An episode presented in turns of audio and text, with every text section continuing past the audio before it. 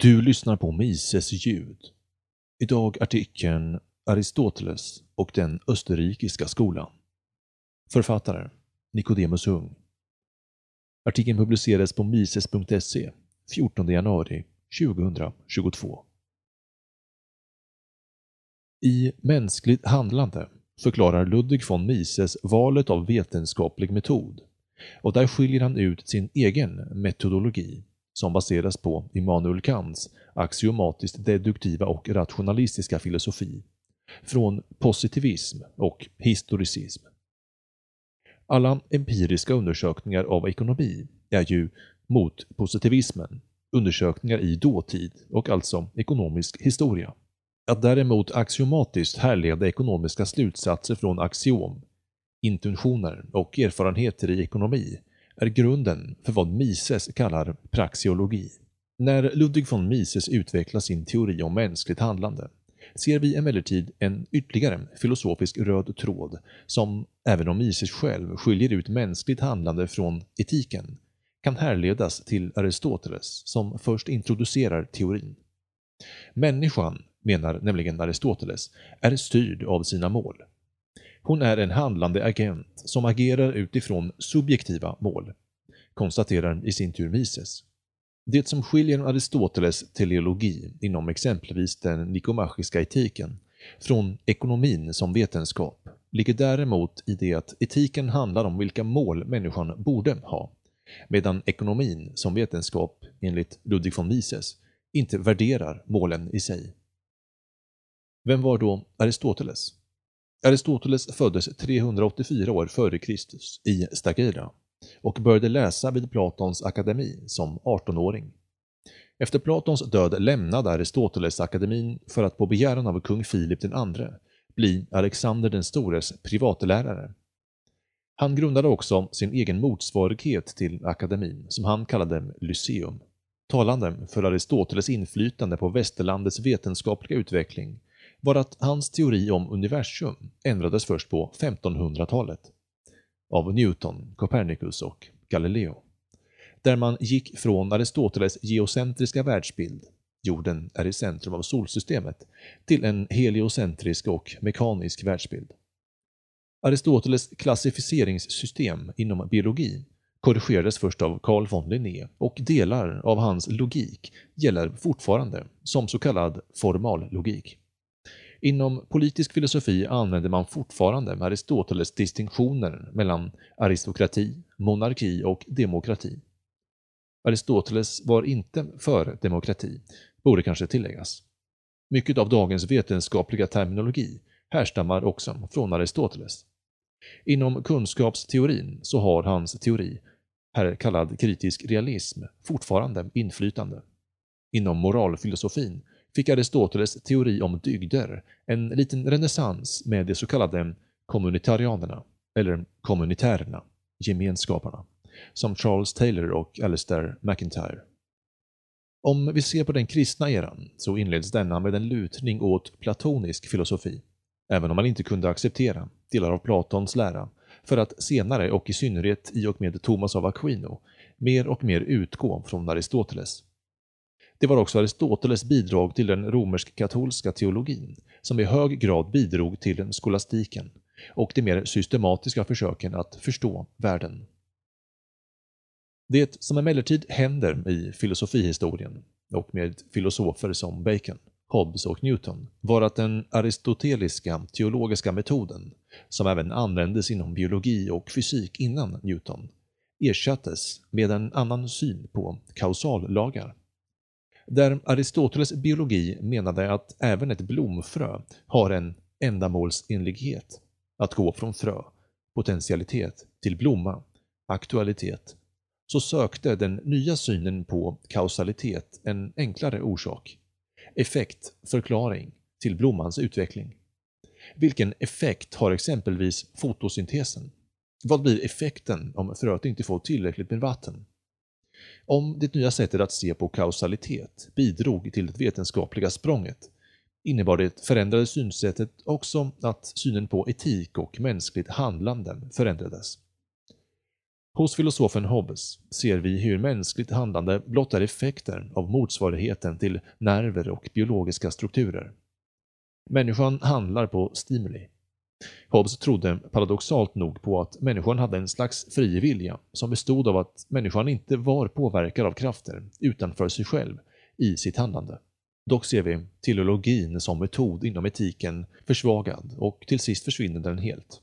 Alistair McIntyre skriver i History of Ethics att upplysningsetiken därför av nödvändighet utvecklades mot utilitarism. Om han har rätt i detta är omtvistat. Det vi däremot kan konstatera är att den aristoteliska dygdteorin ersattes av andra etiska filosofier. En tragedi i sammanhanget är att endast en tredjedel av Aristoteles skrifter har bevarats för eftervärlden. En stor del förstördes i samband med de islamska erövringarna och bränderna av Alexandrias och Konstantinopels bibliotek. En del av Aristoteles skrifter hade däremot redan översatts av greker i det helleniserade Mellanöstern till arabiska och kom att bidra till den så kallade islamska guldåldern.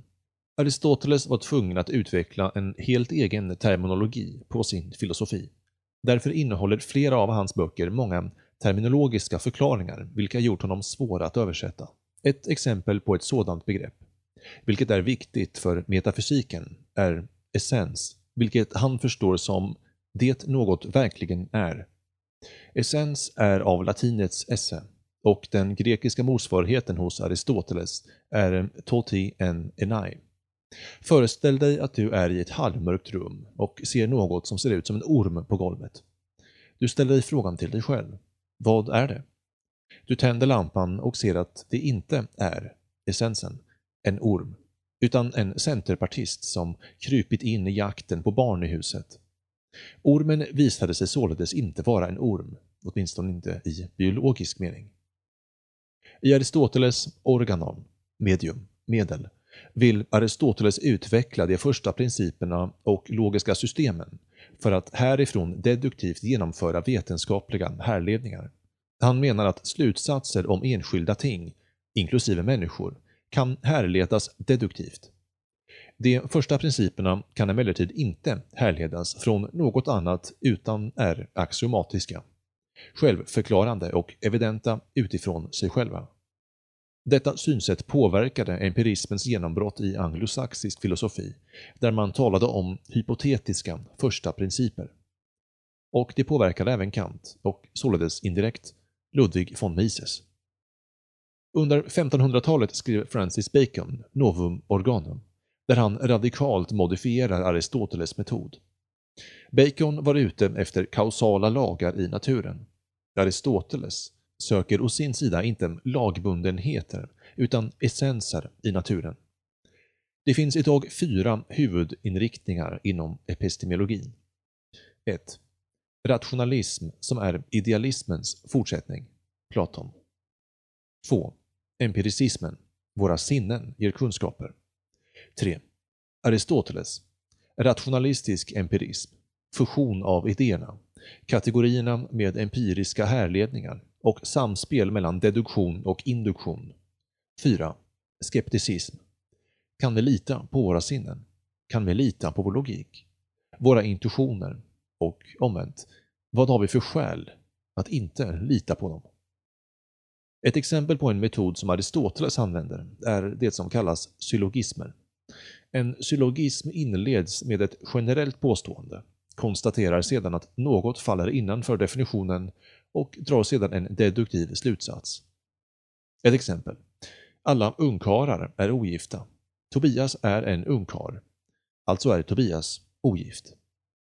Om vi härifrån går in mer specifikt på politiken och etiken skriver Aristoteles att människan dels är en zon politikon, ett socialt eller ett politiskt djur, dels ett tänkande djur.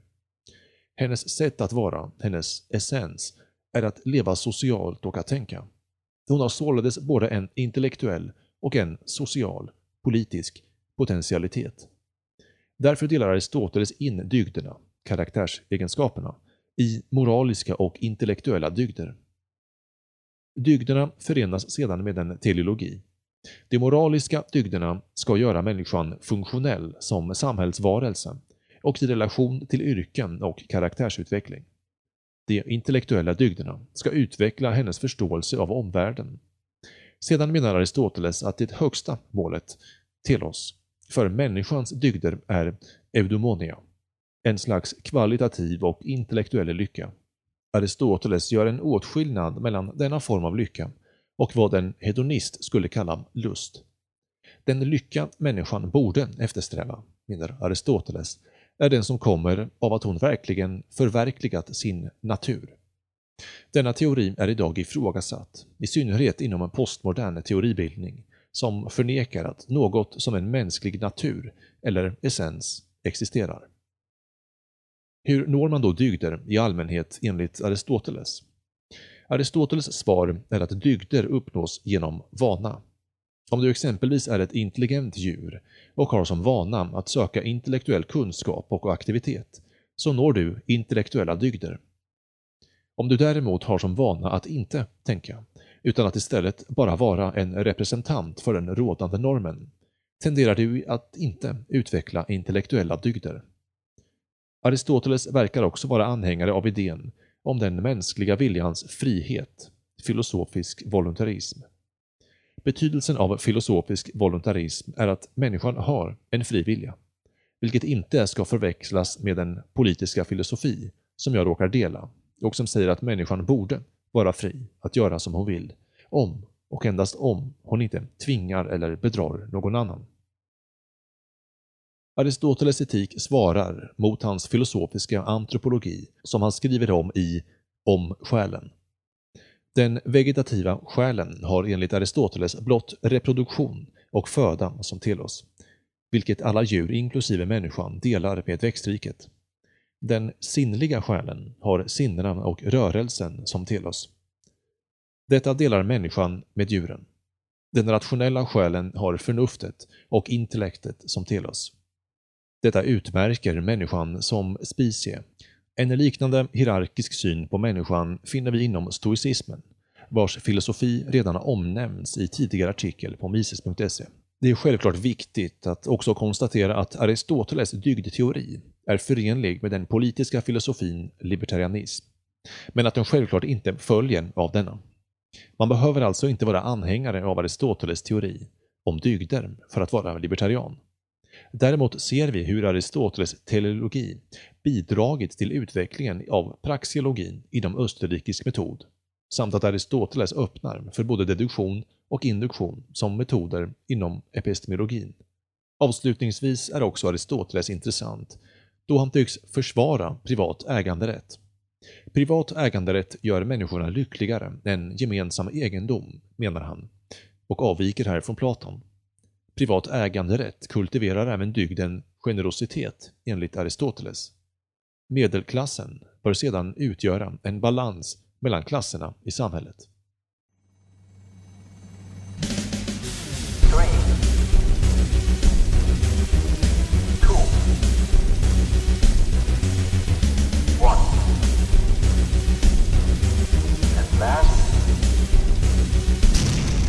Don't put your trust in politics Pardon.